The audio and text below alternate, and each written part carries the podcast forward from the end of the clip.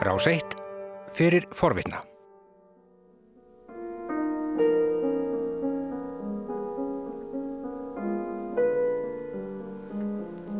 Í sólkvítu ljósi hinna síðherðu daga býr svipur þinn. Eins og tálblátt regn sé ég tár þín falla yfir trega minn og fjarlægð þín sefur í faðmi mínum í fyrsta sinn. Steit Steinar flutti ljóðurflokknum Tímin og vatnið sem kom út í fyrsta sinn árið 1948 í 200 tölusettu myndtökum. Í fyrstu útgáð flokksins voru ljóðin 13 en árið 1956 kom flokkurinn út öðru sinni og það hafði ljóðunum fjölgatalsvert og voru orðin 21. Ástæðan fyrir því að þetta ljóð hljómaði fremst í þessum þættir svo að nú er komin fyrir almenningssjónir í fyrsta sinn nokkus konar frumútgáa tímans og vassins með myndum eftir Þorvald Skúlason. Í þeirri útgáu eru hinnar frægu upphafslínur tímans og vassins, tíminn er eins og vatnið og vatnið er kallt og djúft eins og vitund mín sjálfs, ekki komnar til sögunar, en það er titill flokksins annar. Í þessari fyrstu gerð heitir hann dvalið hjá djúpu vatni. Í frumgerðin hefur hvert og eitt ljóð sinn titill og upphafsljóðið sem við hlítum á hér áðan heitir Minning. Þessi þriði á síðasti þáttur um Stein Steinar verður helgaður tímanum á vatninu. Viðmælandi minna þessu sinni er Kristín Þóransdóttir en grein hennar og líf mitt stóð kyrt eins og kringlótt smámynd, líf og listsköpun Stein Steinars á tilurðar árum tímas og vassins byrtist í skýrtni á vordugum 2008. Greinina byggðun á bíaritgersinni í íslenskum bókmyndum en vegna fjölskyldutengsla við ástildi Björstóttur, ekki Steins, hefur Kristín haft aðgangað persónum gögnum úr fórum skáldsins sem nú hafa verið aðfend þjóðarbókluðinni til varveislu. Dvalið hjá djúbu vatni kemur nú til fyrsta sinn eins og aður er getið það er vaka helgafell sem gefur út í þúsund númeröðum intökum en menn hafa þó lengi vitað af tilvist þessa handrits eins og framkymur í viðtali sem Gilvi Gröndal átti við ástildi Björnsdóttur árið 1975. Við slum grípa niður í samtal þeirra þar sem Gilvi spyr hvar það hafi fyrst hist ástildur Björnsdóttir og Stein, Steinar. Það er orðið langt síðan, næri 40 ár. Það var veturinn 37 til 8. Og eh, hvar byggur þið fyrst eh, þegar þið hófuð búskap? Við byggum fyrst í Lækjakóti 6 og síðan á ymsum stöðum og síðast byggum við í Fórsvóginum. Nú hefur skáldtróður Steins vaksið mjög síðan hann fjall frá. Skildan hafa haft von á því á meðan hann liði? Ég held að hann hafi alltaf grunað það. Hann gerði jafnan lítið úr ljóðagerðsinni. Ætliði skáldskapurinn hafi samt ekki verðunum meira virð en hann vildi vera að láta. Það má búast við því, hann var nú ekki mikið fyrir að láta hlýða sér yfir svona. Nei. Hann saði einu svonni viðtali að hann hefði aðeins orrt á tímabilinu 1934 til 43 og ekkert eftir það. Skildi þetta verið rétt? Nei, hann orti nú þó nokkuð eftir það en hann hefur bara sagt þetta svona gansinu. Já. Já, ég held að hann var ekki allast til þess að væri allt tekið alveg 100% svolítið. Nei. Sem hann sagði svona í viðtölu. Hvernig ætla hann hafi orð tíman á vatnið? Nú kom hann út 1948. Já. Það hefur nú sennilega verið svona á árum svona frá svona 40 svona millir 40 og 46 geti ég trúi og eitthvað af því setna sko það, það er orta á það langun tíma sko. Og hann eh, lagði geysilega vinnu í tíman og vatnið var það ekki? Orti lögaflokkin um aftur og aftur. Já, já. Og svo var það ímist að leta hvaðin heita nöfnum eða settu bara númer á þú og svona breytti svo mikið. Og, og feldi náttúrulega úr því mikið. Það er svo mikið sem að norti sem er svona alveg á þessu á þessu sama tímabil sko og svona svipað en svo hefur hann bara valið úr því sko. Og þetta voru náttúrulega 13 hvaðið fyrst þegar það kom út?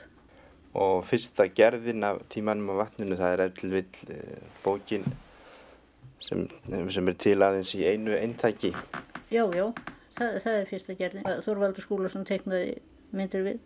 Og hvað heitir hún? Hún heitir uh, Dvali sjá djúpi vatni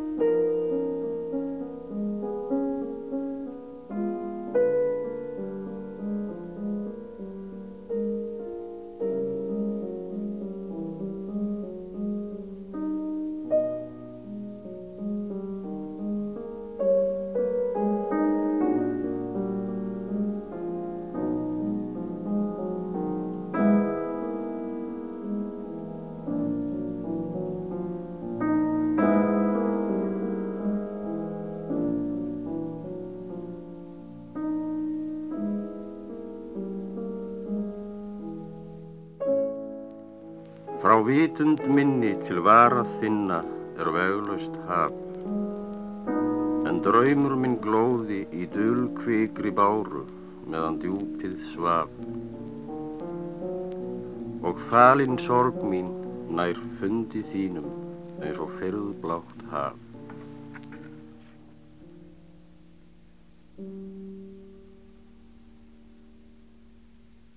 Hér hljómaði annað ljóð flokksins dvalið hjá djúbu vatni. Þeirri gerð heitir ljóðið Sumar við sjó en er nummer tíu í lokagerð tímans og vassins.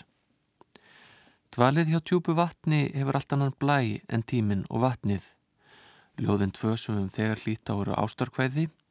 Í þeim er auk ljóðmælandans kona sem byrtist með frekar óræðum hætti. Í fyrst erendunu segir í sólkvítu ljósi hinn að síðherðu daga og í öðru erendinu er hlutakonunar skipt út fyrir hild, það er varirnar standa einar eftir. Það stendur frá vitundminni til varaþinna er veglust haf. Mart hefur verið ritað um tíman og vatnið og flestum ber saman um það að merking ljóðsins sé ekki einlít eða einföld og þegar ólíkar gerðir eru hafðar í huga, þá finnst manni nærtækt að líta á einstök ljóðinnan flokksins sem nótur því þau hafa hvert um sig sinn tón og hljómagangurinn getur orkað á mann með ólíkum hætti eftir uppröðun einstakra ljóða. Dvalið hjá djúbu vatni er þannig sjálfstætt verk. Tímin og vatnið er líka sjálfstætt verk, samt sem áður eru þessir flokkar að miklu leiti samansettir af sömu ljóðum.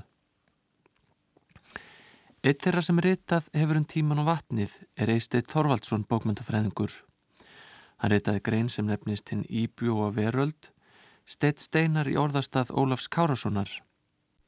Í greininni vísar Eisteit til viðtals við ástildi Björstóttur, þar sem kemur fram dálæti steins á skáldsum Haldós Lagsnes um Ólaf Kárasson ljósvíking. Þar segir, Steitt kom á kvöldin og las fyrir okkur með sinni þýður rött bækur Kiljans, jafn óðum og þær kom út.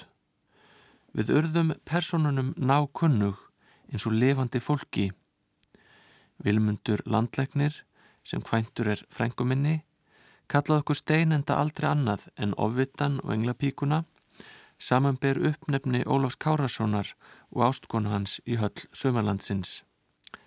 Eistið Þorvaldsson sínir greinsinni fram á að ljóðaflokkur steins sé tilfinningarlega og skálskaparlega tengdur sögunum um Ólaf Kárasson. Hann greinir dæmi úr sögunni þar sem líst er samskiptum Ólafs Kárassonar í tvær konur sem hann verður að skilja við þrátt fyrir að hann elski þær. Annars vegar vegumegu Hansdóttur í höll sumalandsins, hins vegar beru í fegur þeiminsins. Eisteinn ber dæminn svo saman við einstök ljóð í floknum og rauksemdir hans eru mjög sannfærandi. Því ekki aðeins eru almenn atrið eins og sólin og byrta, þáttur í lýsingum hvenna, bæði sögun og ljóðinu, heldur koma fyrir torkinleg orð í þeim báðum og í svo sérstöku samingi að varla getur verið um tilviljun að ræða.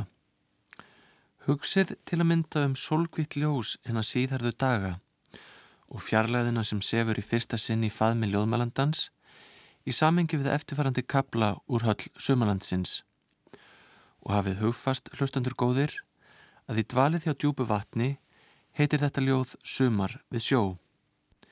Í sögu Haldórs Kiljans Lagsnes segir Hann var allt í einu fulltíða maður og það var hennar verk. Nálað hennar bjó í líkam hans nótt og dag hvort hann vakti eða svaf. Eins og lognaldan bærist við ströndina um bláljósa sumarnóttina þannig þráðan að kvíla við þinn solkvita elskandi barmennar. Greining Eistens Þorvaldssonar dregur ekki með nýjum hættur frumleika tímans og vassins en hún sannfæri manni þeirri trú að einn vega mikill þáttur hvæðisins sé ástarsaga og hún læði líka aðmanni þeim grunn að steitt steinar hafa átt auðvelt með að lifa sig inn í örlög skáldsins Ólafs Kárassonar. Þess maður undar geta í framhjólaupi að Kristmundur Guðmundsson, faðir Steins, sangvænt kirkjubókum, fór á fund Magnúsar Hjaldarssonar, fyrirmyndar Haldós Lagsnes að Ólafi Kárassinni og baðan að yrkja ástarljóð til Etilriðar Pálsdóttur, móður Steins, þegar hann vildi vinna hana aftur eftir að upp úr sambandi þeirra slitnaði. Hvæðið bar þó ekki tilætlaðan árangur. Flestir að ljóða sem Eisteinn vittnar til eru bæði í dvalið hjá djúbu vatni og lokagerð tímans og vassins. Í tíman og vatninu eru 21 ljóð, í dvalið hjá djúbu vatni einungist 10 og þar af 8 sem finna má í báðum flokkonum. Ást, söknuður, minningar og missir eru þræðir í tíman og vatninu en meinum fjöllunarefni dvalið hjá djúbu vatni. Lokaljóð þess flokks heitir vatn sem rennur um nótt og hljóðar svo.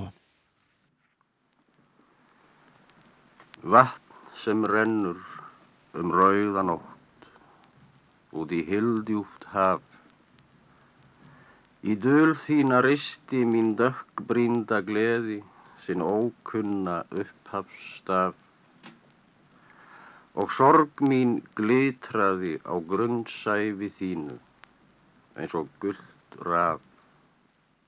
Titill þessar þáttaræðar, mitt nafn er Steitt Steinar Skald, ég hvaðst af við fjandan, eru lokaorð fjörðubóka Steins, ferðán fyrirreits sem kom út árið 1942.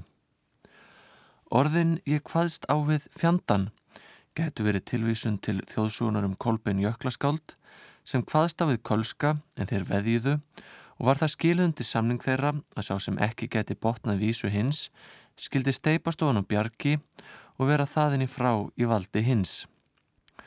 Um loka alluguna segir í sögunni Gengur kolska allvel að slá botnin í. Uns kolbeitt tekur nýf upp úr vasa sínum og heldur honum fyrir framann glirnundnar og kolska svo ekkin bar við tunglið og segir um leið Horðu í þessa egg-egg undir þetta tungl-tungl. Þá varð kölska orðfall því hann fann ekkert íslenskt orð sem rýmaði að móti tungl og segir því í vandraðum sínum Það er ekki skálskapur að tarna kolbinn. En kolbinn botnar þegar vísun og segir Ég steipi þér þá með legg-legg lið sem hrærir ungl-ungl. En þegar kölski heyrði þetta beigðan ekki bóðana og steiftist ofan fyrir bjargið í eina breymölduna þar sem hún brotnaði og bauð ekki Kolbeini til kappkvæða eftir þetta. Skálskapur Kolbeins er vitanlega ekki merkilegur eins og Kölski bendir réttilega á, en um það leiti sem ferðan fyrirheit skum út, snýrist öll fagurfræðilegu umræðu Íslandum það hvort ljóð rýmiðu eða ekki. Og tímin og vatnið er hann vafa eftirtæktar verðast að framlega stein steinast til þeirra umræðu sem tengt hefur verið formbildingu Íslensk skálskapar. Um flokkin segir Silja Aðstensdóttir í Íslenskri bókmyndasugum Máls og menningar. Með tímanum og vatninu raufst eitt steinar einangrun Íslensk skálskapar. Ljóðaflokkurinn hefði geta verið samin hvar í Evrópu sem var og var ný viðmiðun í skálskap hér á landi og eftir tíman og vatnið var þróunun ekki stöðuð. Hægt er að velta orðunum ég hvaðst á við fjandan fyrir sér í ljósi þjóðsugunar og þróunar Íslensk skálskapar. Lýsir steitt steinar því yfir að nú sé hann hættur að kveðast á við kolska og láti rýmið lönd og leið eða hefur hann eftir verið kveðin í kútin. Er fjandin með öðrum orðum laus. Steitt Steinar tekur að mestakosti það ákvörðun að segja skilið við hefbundið form og innhald, myndirnar sem hann bregður upp orka á lesandan, en eins og oft hefur verið klifað á, þá skinjar maður þar frekar en maður skiljið þær. Þegar þróun ljóðaflokksins frá frumgerðinni til lokagerðar er skoðuð, kemur í ljósað tilrunagliðin fyrir vaksandi eftir því sem álýður hvað formi viðvíkur. En heldarbygging flokksins verður markvusari. Um þetta segir Kristín Þóransdóttir í greininni og lífmitt stóð kyrt eins og kringlótt smámynd. Í frumgerðinni er bráformið mjög regluleg tersina eða þrýhenda.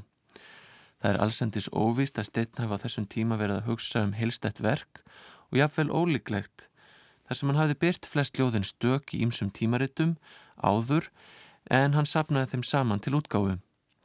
Í fyrirgerð tímans og vassins frá árinu 1948 er hrinjandi og rým víðorðið óreglulegra og baráttan harðari.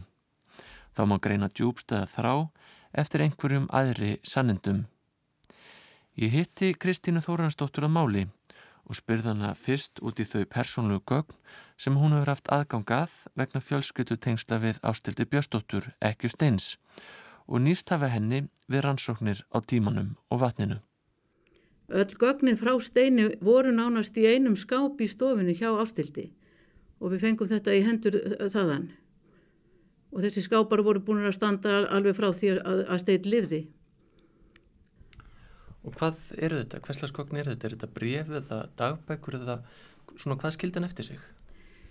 Ástildu var nú sjálf búin að fara með á landsbókarsafn eh, mjög mikið af, af svona uppgöfstum af ljóðum og, og, og velrituðum blöðum og, og mörgust líku en, en aftur á móti sko var eftir þarna talsvert afsóleiðislöguðu, það, það voru velrituð ljóð og handskrifuð ljóð vasabækur með ljóðum og ímislegt þess aftar, svo voru náttúrulega myndir og kort og vegabrefið hans, hjúskapavottorðið þeirra og ímislegt þess aftar dót En markverðast af þessum gögnum er náttúrulega bókinn dvalið hjá djúbu vatni, frumgerðina tímanum á vatninu.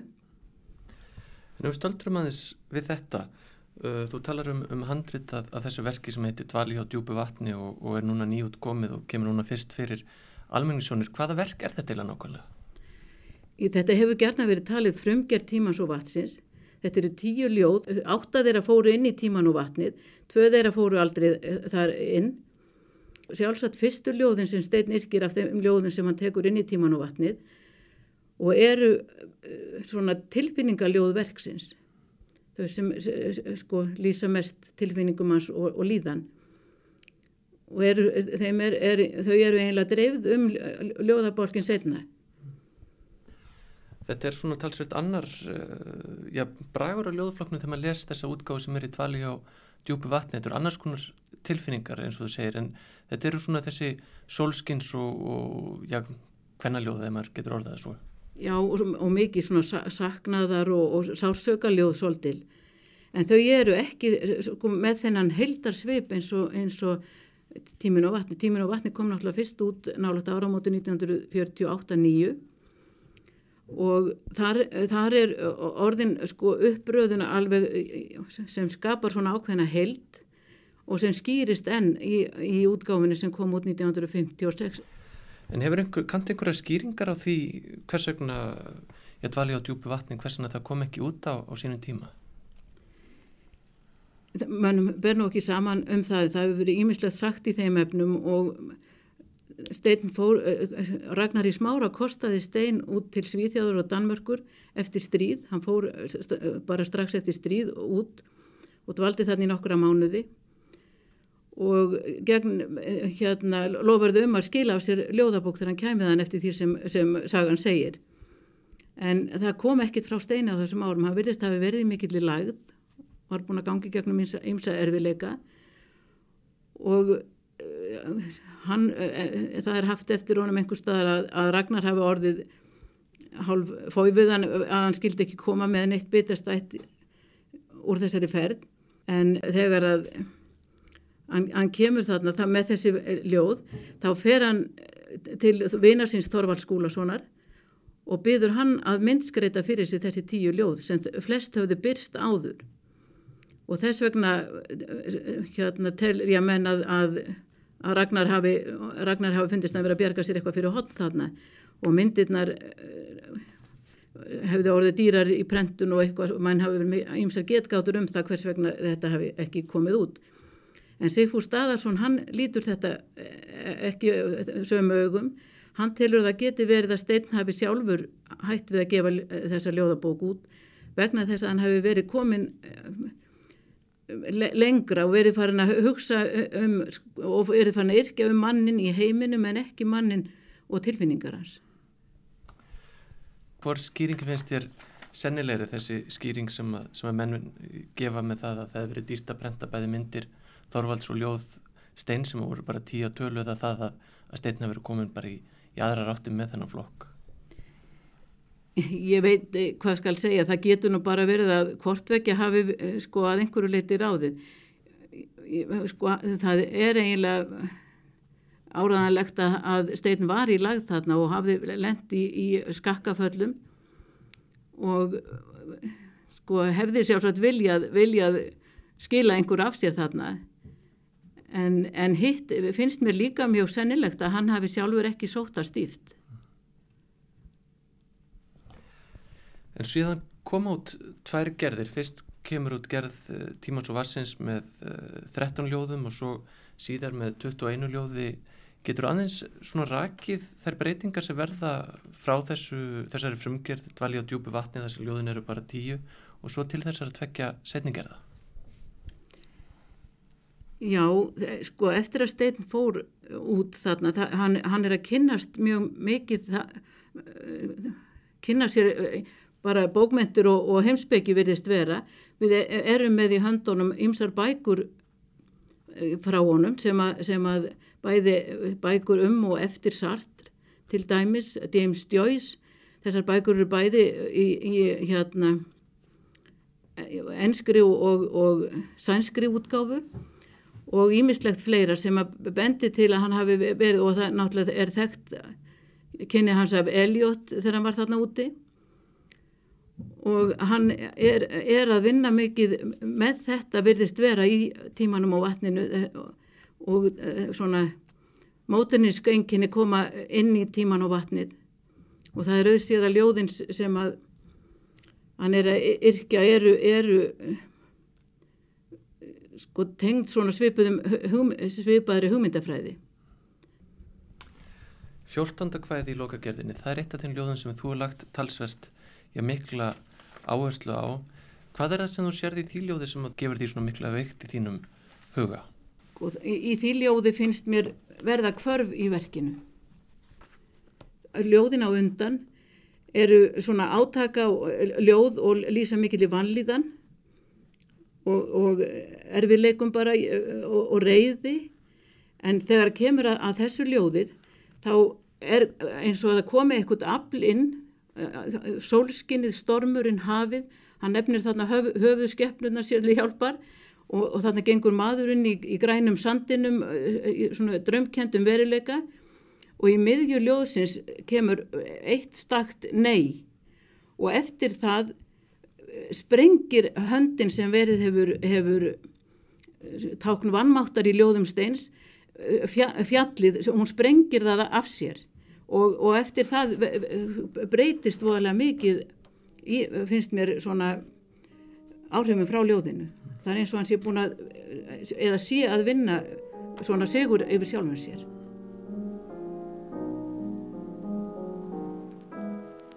Sólstínið, stormurinn hafið.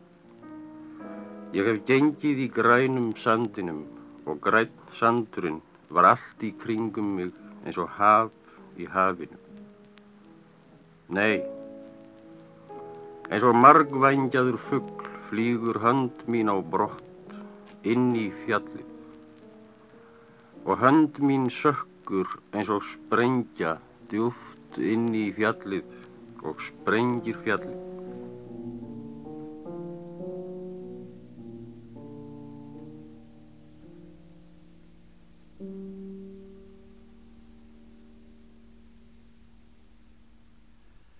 Þú segir, þú minnst nokkru sinnum á, á þrengingar í tengslu við þennan ljóðaflokk og, og tala líka um það að það verði einhverslags í endurlausni í, í, flokknum, það sé greinlega verið að lýsa einhverslags vegferð. Hefur einhverja tilfinningu fyrir því hvaða þrengingar það hefur verið sem að stein var í? Já, ég, þegar ég var að skrifa rítgerð mína þá, þá hérna, spurði ég mjög mikið ættingja og aðra sem, sem lifðu þessa tíma og Lendi var nú líklega búin að býða tvö svona skipbrot í ástarmálum. Ástildur sko, fór frá honum um 1940 eftir að þau höfðu verið svona í, í förstu sambandi í líklega tvö ár og svo er þekkt þetta hérna að hann hafi elskað Louise en hún hafi svo farið til Ameríku ég veit miklu minna um þau mál og veit ekki hvort hann okkur sko, hefur það eh, skýrt hvernig það var. En líklega 44 þá missir ástildur fóstur eftir stein. Hann, hún hefur orðið ofrisk að, að sko eftir því sem komst næst á höstdögum 43 og missir það í byrjun árs 44 og þá urðu einhver hérna svona þetta gekk mjög nærið þeim báðum. Það urðu svona hálgerð vinslit hjá þeim um þetta leiti sem ég, kannu ekki að skýra hvernig var. En hún fór frá honum þá aftur. Og það hefur sjálfsagt reynd mikið, mikið á. En því hún fór til annars mann sem ætlaði að leysa, hann undan þessari ábyrð. Á þessum tíma var allt slíkt þakka niður og lítið talað um svona hluti en, en, en það er alveg ljóst að þetta var, var þeim báðu mjög erfitt og, og það var lengi að, að gróa um held. Og þetta verður þá vantilega verið að brjótast í honum meðan að ljóðaflokkurum var ástur? maður sko læti sér þetta það í huga þarna sé, sé eitthvað einhverjar rætur þessa, þessa minnstakost með upphafið af því. En síðan er náttúrulega allt ljóðið sko það er náttúrulega miklu dýbra heldur en að það sæki í einhverja svona atbyrði sem að gengur í gegnum. En, en hún leið mjög illa. Ég held að hann sé fyrst og fremst að að, að yrkja eh, sig frá miklum sko, mikil í vannlíðan miklu frekar heldur en að maður geti bent kannski nákvæmlega á einhvern atbyrð ég týni þetta meira til að, bara til þess að sína sko, að þetta voru erfiði tímar hjá honum og eins sko lendan í þessu með að býða skipbrot varðandi skoðanir sínar þó hann hafi aldrei sko snúist hérna í þeim efnum eins og verið, haldið hefur verið fram að, að hann hafi eh, snúist til kapitalismu eftir að, að kommunismin rundi í huga hans að þá er það ekki rétt. Eh, sásöki hans þar lág í því að hann fannst að þessar hugssjónir hefðu eh, verið eidilaðar í Rúslandi Rúsa, Rú, Rúsland hefði ekki verið að, að, gera það sem það þóttist verið að gera. Gagnsæjum vangjum flýgur vatni tilbaka gegn viðnámi sínu. Þið rauðgula hnóða sem rennur á undan mér fylgir engri átt. Handan blóðþyrstra vara hins brennandi efnis vex blóm döðans. Á hornréttum fleti millir ringsins og keilunar vexir hvita blóm döðans. En nú eru mennin svo alltaf að vonast þess að þeir komist í, uh, komist í boss í, í tímanum með vatninu og, og það sé ykkur, ykkur einn svo þetta sé ykkur, ykkur einn stafur sem vantar inn í, í krosskot eða eitthvað, eitthvað slíkt. Ég veit að þú er náttúrulega velt þessu ljóði mikið fyrir þessum ljóðaflokki. Uh, ámar að trúa slíkt þegar, þegar þessi flokkar annars vegar? Ég veit ekki hvað skal segja. Mér fannst ég komast að niður stöðu að, að hann hefði reynlega fundið uh, ortsið þarna í, í gegnum uh, hérna, erfiðleikar sína á allt saman. Og þróast og þroskast með þessu ljóði. Ég held að þetta hafi verið leiðin til að vinna sig í miklu svona bara í, í gegnum, gegnum lífið og, og öll ljóðans finnst mér bera þess merki að, að hann hafi allartíð þráð einhvern tilgang með lífinu, einhver, einhverja sko, já, jáfnveil svona trúarlega sín en Guð brást honum alltaf, hann, það er, er þekkt og, og ljóðinans eru gerðan um það að hann verður verið vonbröðum þegar hann leitar Guðs, hann er ekki þarna og hann finnur ekki neitt. En í tímanum og vatninu er hann að, að, að vinna sér í gegnum slíkt og mér finnst hann finna, finna þetta sem hann leitar að. Ég, ég get ekki séð hann að, að, að það séu þarna ljóð sem bara hreinlega segja manni það þegar hann til dæmis sko, þegar hann segir og þögn mín breyttist í þungan samhljóm einskis og alls. Hann er að sameinast þarna einhverju alheims vitund það, það, mér finnst það ekki nokkur vafi fyrir mína parta. En það þykir kannski ekki mjög fræðumannlega mælt. Og það er fleira í, í, í, í síðasta ljóðinu finnst mér líka alveg greinilegt að hann er búin að finna fá sálar ráa því hann er búin að finna eitthvað. Hann býr sér kvílu í, í hálflugtu auga eilíðarinnar. Eilíðin er þarna hluti af, af veruleika ljóðsins og þarna er, er eitthvað og hann er náttúrulega búin að gefa vísbendingar um svona lagað í umfjöldin sinni til dæmis um, um myndlist og segir að listmálara nútímas verði ekki skildir til fullsnema með aðstóð austrætnar dulsbyggi. Þannig að þið finnst ekki líklegt að þetta sé, já, Guðbiblíuna sem hann alltaf stað? Nei, ég held að það sé af og frá. Hann finnur e- eitthvað, hann fann þetta í djúpum sinnar eigin sálar.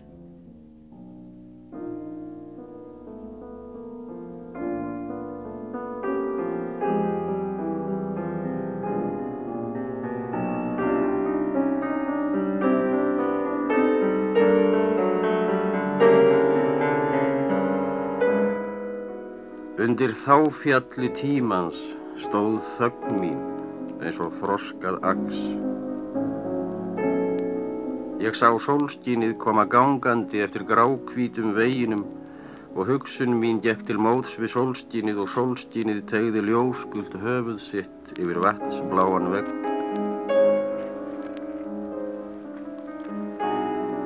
Ég sá myrkrið fljúa eins og málmgerðan fuggl út úr moldbrúnum höndum mínum og þögn mín breyttist í þungan samhljóm einskis og alls. Meðan gljásvart myrkrið flög gullnum vængjum í gegnum sólskynið. Meðan hættatrúlega seint að brjóta heilanum hefði raunverulega gildi tímans og vassins. Á höstugum 2008 spruttu nokkra deilir um grein sem byrtist í lesbók Morgumblaðsins en hún byrtist undir yfirskriftinni leiðinlegasta klassíkin. Þar var leitað álits málsmetandi manna og sagði Brægi Ólásson reytöfundur og ljóðskáld meðal annars eftirfærandi.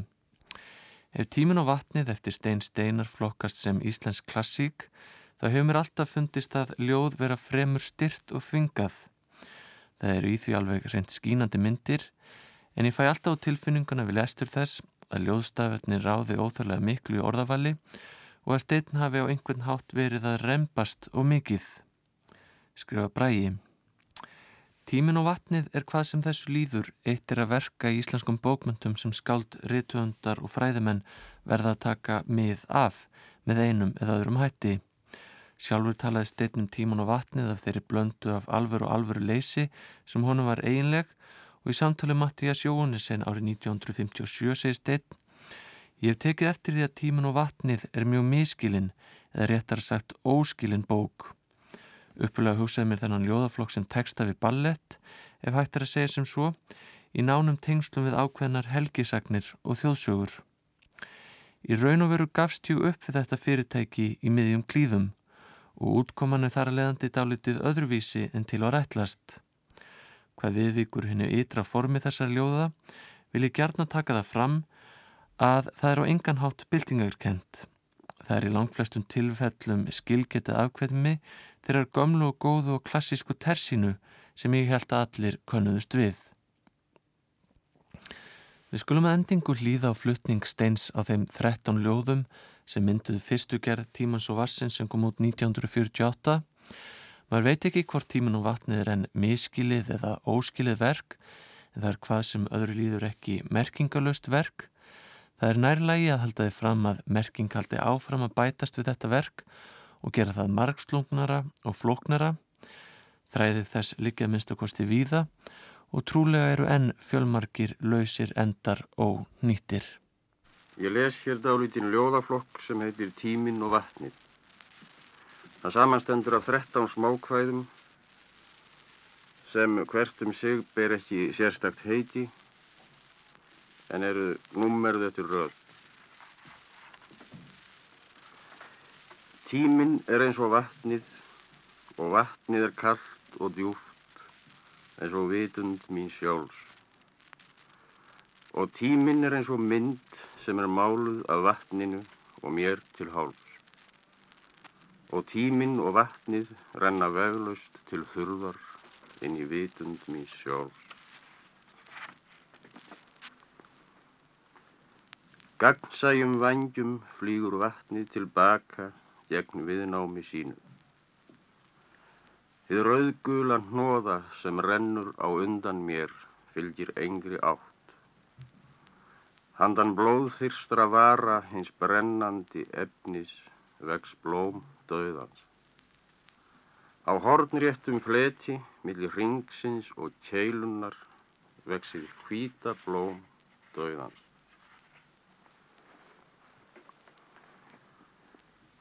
Ég var drúpandi höfuð, ég var dimblátt auga, ég var hvít hönd. Og líf mitt stóð kýrt eins og kringlótt smámynd sem er reist upp á rönd. Og tíminn kvarf eins og tár sem fellur á hvíta hönd. Híminin rignir mér gagnsæjum teningum yfir hrapandi jörð.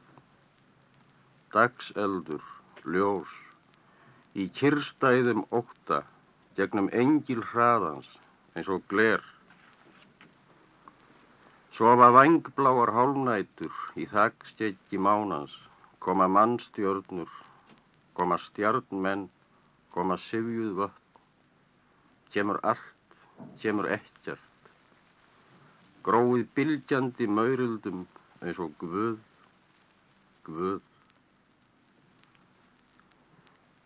Frá vitund minni til varað þinna er veglaust haf, en draumur minn glóði í dulkvikri báru meðan djúpið svaf. Og falinn sorg mín nær fundi þínum eins og fyrðblátt haf.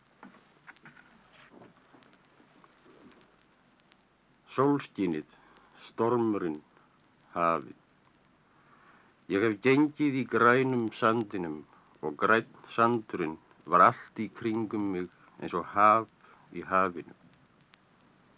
Nei, eins og margvængjaður fuggl flýgur hönd mín á brott inn í fjallið og hönd mín sökkur eins og sprengja djúft inn í fjallið og sprengir fjallið.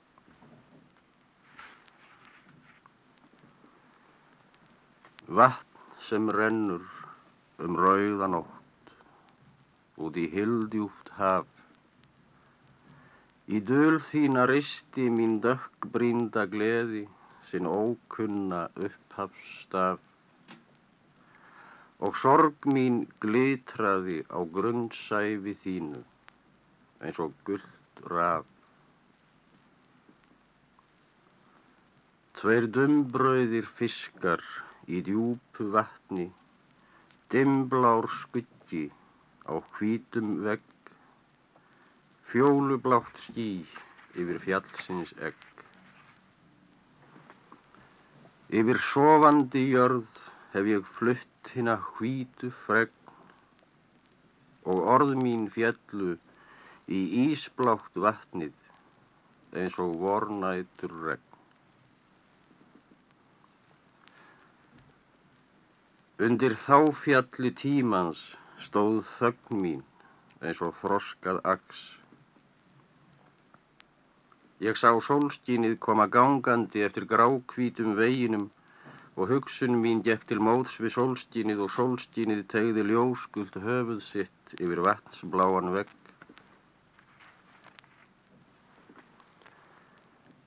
Ég sá myrkrið fljúa eins og málmgerðan fuggl út úr moldbrúnum höndum mínum og þögn mín breyttist í þungan samhljóm einskis og alls meðan gljásvart myrkrið flög gullnum vængjum í gegnum sólskynið.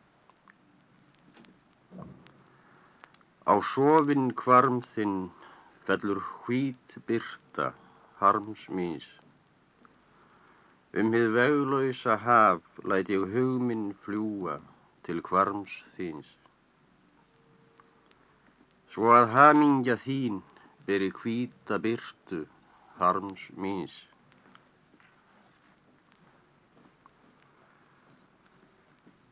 Eins og blóðjárnaðir hestar hverfa bláfekstar hugsanir mínar innum bakdýr eilíðarinnar. Eins og nýskottnir fugglar falla nafnlausir dagar yfir náttstað minn. Eins og naglblá hönd rísir neikvæða játun upp úr nálægð fjallægðarinnar. Meðan andlit mitt sefur eins og óslokkið kalk í auga fljótsins.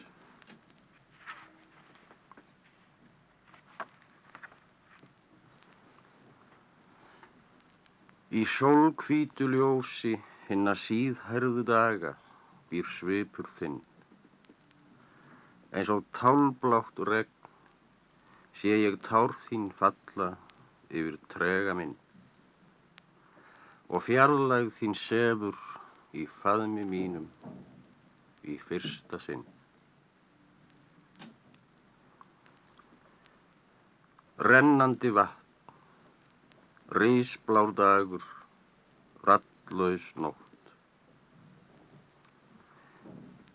Ég hef búið mér hvílu í hálflugtu auga eilíðarinnar. Eins og furðuleg blóm vaksa fjarlægar veraldir út úr langsvæfum líkama mínum. Ég finn myrkrið hverfast eins og málmkynjað hjól um möndul ljósins. Ég finn mótspyrnu tímans falla máttvana gegnum mýkt vatnsins. Meðan eilífiðinn horfir mínum óræða draumi úr auga sínu.